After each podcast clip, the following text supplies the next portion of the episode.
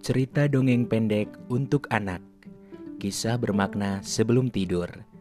Pada podcast kali ini ada berbagai cerita dongeng anak yang dimuat dalam bahasa yang ringan dan mudah dipahami. Keseruan cerita dongeng yang banyak berisi kisah-kisah fantasi ini bisa digunakan sebagai media edukasi yang menarik pada anak yang akan melatih imajinasi dan juga kecerdasannya dalam menelaah intisari dari sebuah cerita.